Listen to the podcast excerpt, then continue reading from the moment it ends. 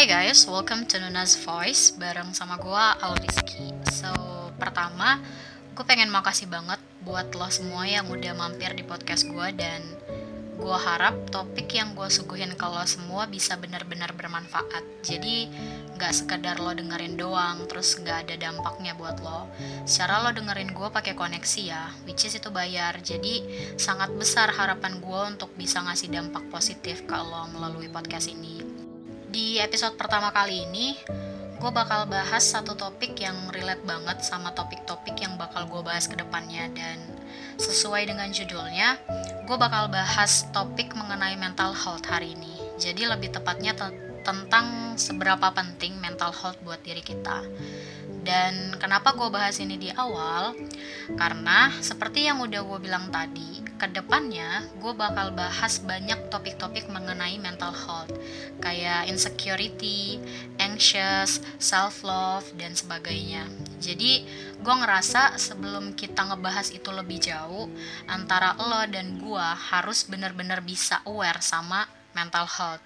Dan kita juga harus sama-sama sepakat bahwa mental health ini penting. Jadi nggak hanya sekedar topik menarik atau emang topik yang lagi ngetren aja. Berbicara soal mental health Orang dengan kondisi kesehatan mental yang baik adalah orang yang berada dalam keadaan yang tentram dan tenang. Dan karena kondisi itu, dia bisa jadi nikmatin hidupnya dan menghargai orang lain dengan baik. Sebaliknya, orang dengan kondisi kesehatan mental yang tidak baik akan mengalami ketidakstabilan pada suasana hatinya dan kemampuan berpikirnya tidak bekerja dengan baik, sehingga dia nggak bisa mengendalikan emosinya. Emosinya selalu berorientasi pada hal yang buruk. Nah, Orang-orang dengan kondisi kesehatan mental yang kurang baik biasanya akan mengalami depresi, stres, gangguan kecemasan, bipolar, ADHD atau Attention Deficit Hyperactivity Disorder, dan masih banyak lagi. Maka dari itulah kita semua, termasuk gua dan juga lo yang dengerin gua sekarang, itu perlu untuk aware sama yang namanya mental health ini.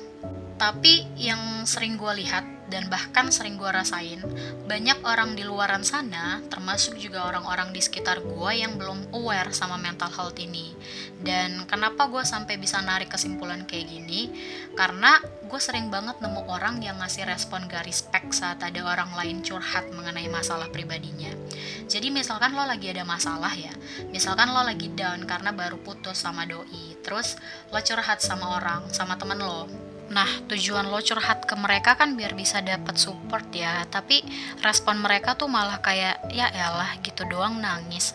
Lebay banget sih lo, bucin lo. Dan kadang ada yang ngerespon kayak ya elah gak seberapa, masalah gue lebih berat dari itu. Tapi gue biasa aja tuh. Jadi mereka ngerasa seolah-olah mereka doang yang punya masalah berat. Masalah orang lain tuh gak ada yang se ekstrim punya mereka. Bener gak sih? Gue yakin kalian juga ngerasain. Nah, hal-hal kayak gitu yang buat gue ngerasa ternyata masih banyak banget orang yang gak aware sama isu mental health ini. Jadi, menurut gue, orang-orang tuh berpikir bahwa sakit itu hanya pada fisik aja. Lo flu, demam, batuk, gitu doang. Mereka nggak sadar bahwa ada dua aspek kesehatan diri yang harus dijaga, fisik dan juga mental. Gue yakin lo pernah dengar peribahasa mensana in corpore sano. Dalam tubuh yang sehat, ada jiwa yang kuat Artinya, kedua aspek ini saling berkaitan dan harus sama-sama dijaga. Kenapa gue bilang saling berkaitan? Simpelnya gini, ketika lo lagi banyak masalah, lo gak bisa kontrol diri lo. Dan akhirnya lo stres. Stres itu masuk dalam aspek mental kan? Dan ketika lo stres itu, lo jadi gak nafsu makan. Akhirnya apa? Fisik lo sakit, lo ngedrop, demam, sakit perut, dan sebagainya. Sampai di sini gue yakin kalian paham sih. Jadi bener-bener harus sama-sama dijaga dan menurut survei yang dilakukan oleh World Health Organization tahun 2016, sekitar 20% anak-anak dan remaja di dunia mengalami gangguan dan permasalahan mental. Dan dari 20% itu, ada lebih dari 800 ribu orang setiap tahunnya meninggal karena bunuh diri. Dan WHO mengklaim bahwa bunuh diri menjadi penyebab terbesar kedua kematian yang terjadi pada orang di usia 15-29 tahun. Kalau lo nggak percaya, lo bisa ngecek langsung kok di website resmi WHO. Dan di Indonesia, orang-orang dengan gangguan atau permasalahan mental itu sering banget diidentikan sebagai orang yang keimanannya kurang atau orang-orang yang lagi dapat gangguan dari makhluk halus kayak semacam dirasukin setan gitu. Bahkan gak jarang dicap sebagai orang yang gak waras atau orang gila. Gue ngerti Tuhan gak pernah ngasih cobaan di luar kemampuan hambanya, tapi respon dari orang-orang sekitar itu juga gak kalah penting. Even kita udah berdoa dan berusaha, udah yakin banget kalau setiap masalah akan berlalu, tapi kalau orang-orang di sekitar kita nggak ngasih support, bahkan ngasih respon yang kayak lo ngapain sih move on dong gitu doang dibaperin. Rasanya tuh kayak ada orang yang narik kaki lo dari belakang saat lo lagi merangkak untuk bangkit. Jadinya energi negatif tetap aja bakal menggerogoti pikiran lo jadi penting banget buat kita untuk menjaga kesehatan mental diri kita dan juga kesehatan mental orang-orang di sekitar kita, termasuk orang-orang yang kita sayangi. Orang dengan gangguan atau permasalahan pada mentalnya akan sulit memilah mana yang benar dan mana yang salah, mana yang perlu dilakuin dan mana yang gak perlu dilakuin. Sedangkan untuk bisa menjalankan aktivitas sehari-hari, kondisi mental yang sehat itu perlu banget supaya apa yang kita kerjain bisa berjalan dengan lancar dan hasilnya bisa maksimal. Apalagi di zaman sekarang, dengan adanya sosial media, interaksi dan komunikasi jadi makin mudah. Bahkan sekarang lo bisa ngomong apa pun ke orang yang nggak lo kenal. Nah, kalau yang punya akses kayak gitu tuh orang yang nggak aware sama mental health, bakal kacau banget sih jadinya. Jadi misalkan ada artis atau orang lain yang gak lo kenal, dia posting foto di sosial media dia, dan postingan itu muncul di lo ketika lo lagi lihat-lihat sosmed lo, terus lo gak suka sama postingan itu, entah karena cara pengambilan gambarnya yang gak bagus, pakaiannya yang kurang tertutup, atau bahkan fisik dia yang gak sesuai sama selera lo. Dengan gampangnya lo ngehujat orang itu dengan kata-kata yang gak pantas. Jahat banget gak sih? Padahal gak kenal lo, bener-bener gak kenal. Aneh gak sih nemu orang kayak gitu? Aneh banget kan? Tapi di zaman sekarang tuh ada orang yang kayak gitu. Coba ya, bayangin. Orang yang lo sayang, entah keluarga, sahabat, pacar lo, atau siapa pun itu, mereka lagi ada masalah dia nggak mau curhat tentang masalahnya ke lo karena dia khawatir lo nggak bisa ngasih respon positif ke dia. Dia khawatir lo bakal ngasih respon yang malah bisa membuat dia makin ngedrop.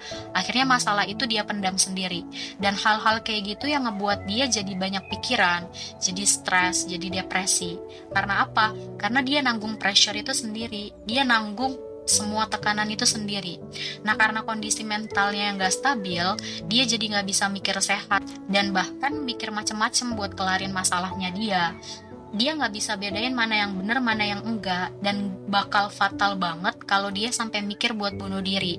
Dan kalau dia benar-benar ngelakuin itu, you gonna lose them. Kalian bakal kehilangan orang itu selamanya.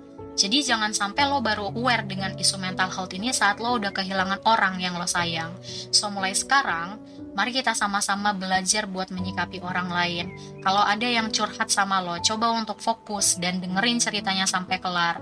Intinya jangan sambil ngelakuin apa-apa dulu lah, apalagi sambil main handphone perlihatkan ke dia kalau lo peduli sama dia, kasih dia support dan energi positif yang lo punya. Dan yang gak kalah penting adalah pikirin baik-baik respon apa yang bakal lo kasih ke dia. Pelajari ceritanya secara keseluruhan. Misalkan dia ada di pihak yang salah, Jangan hanya fokus pada kesalahannya dia, coba untuk cari hal positif dari diri dia dan kasih dia pujian atas hal positif itu. Setelah itu, baru cari kalimat yang pas untuk negur kesalahannya. Kasih dia solusi untuk merubah semuanya. Dengan bersikap seperti itu, gue yakin banget dia bakal ngerasa didukung banget dan dia bisa dapat energi positif buat bangkit. Dia jadi termotivasi untuk jadi pribadi yang lebih kuat dan lebih baik ke depannya. Yang awalnya pikirannya kacau, akhirnya bisa ngerti dengan apa yang harus dia lakuin untuk ngelarin masalahnya. Dan kalau ada orang yang bisa bangkit dari masalahnya karena perlakuan bijak lo ke dia, gue harus bilang bahwa you are the real hero. I'm sure in the future life, ketika lo ngalamin apa yang dia alamin, lo bakal tahu apa yang harus lo lakuin tanpa harus melewati krisis mental dulu. Setelah dengerin podcast pertama gue ini, gue harap kita semua bisa sama-sama saling menghargai dan bijak dalam menyikapi curhatan dari orang lain. Bayangin aja kalau lo ada masalah dan curhat ke teman lo, terus teman lo ngasih respon sebijak itu ke lo, pasti bakal seneng banget kan? Dan kalau lo mau diperlakukan seperti itu oleh orang lain, lo harus memper memperlakukan orang lain seperti itu. Setuju ya? Kalau setuju, kui tulis setuju di kolom komentar di bawah, biar gue tahu seberapa banyak yang setuju. Dan gue juga mau bilang, saat ini gue bukan orang yang punya kompetensi dalam bentuk ijazah atau sertifikat di bidang psikologi. But soon, I'm sure I will get that. So just wish me luck. Dan mengenai apa yang gue bahas sementara ini, semuanya pure dari apa yang gue alamin dan apa yang orang lain lakuin ke gue pada saat gue down. Dan di kesempatan kali ini, gue juga mau ngucapin makasih buat semua orang yang udah stay on my every situation. I really wanna say big thanks to you guys all, and of course, especially to my parents. Thank you so much. I wish I can be a great woman in the future life Uh, by the way, I'm not good on English, but I hope you can understand what I mean. Dan buat lo yang sekarang lagi banyak pikiran, lagi down, lagi ngerasa sendiri, I just want to tell you that you are fucking awesome. You have doing well. Dan gue yakin diri lo lebih kuat dari masalah yang lo hadapi. Gue yakin lo bisa ngelewatin ini. Dan kalau lo lagi butuh teman ngobrol atau pengen share soal masalah lo, langsung aja DM gue di akun Instagram gue di at alrizki underscores underscores gue bakal dengerin semuanya dan bakal berusaha ngasih jawaban terbaik yang gue punya. Dan itu dulu yang bisa gue share hari ini. Semoga kita benar-benar bisa aware soal mental health dan sepakat bahwa mental health benar-benar penting buat hidup kita. Dan sekali lagi thank you udah mampir thank you udah dengerin sampai habis. See you guys on my another podcast and bye bye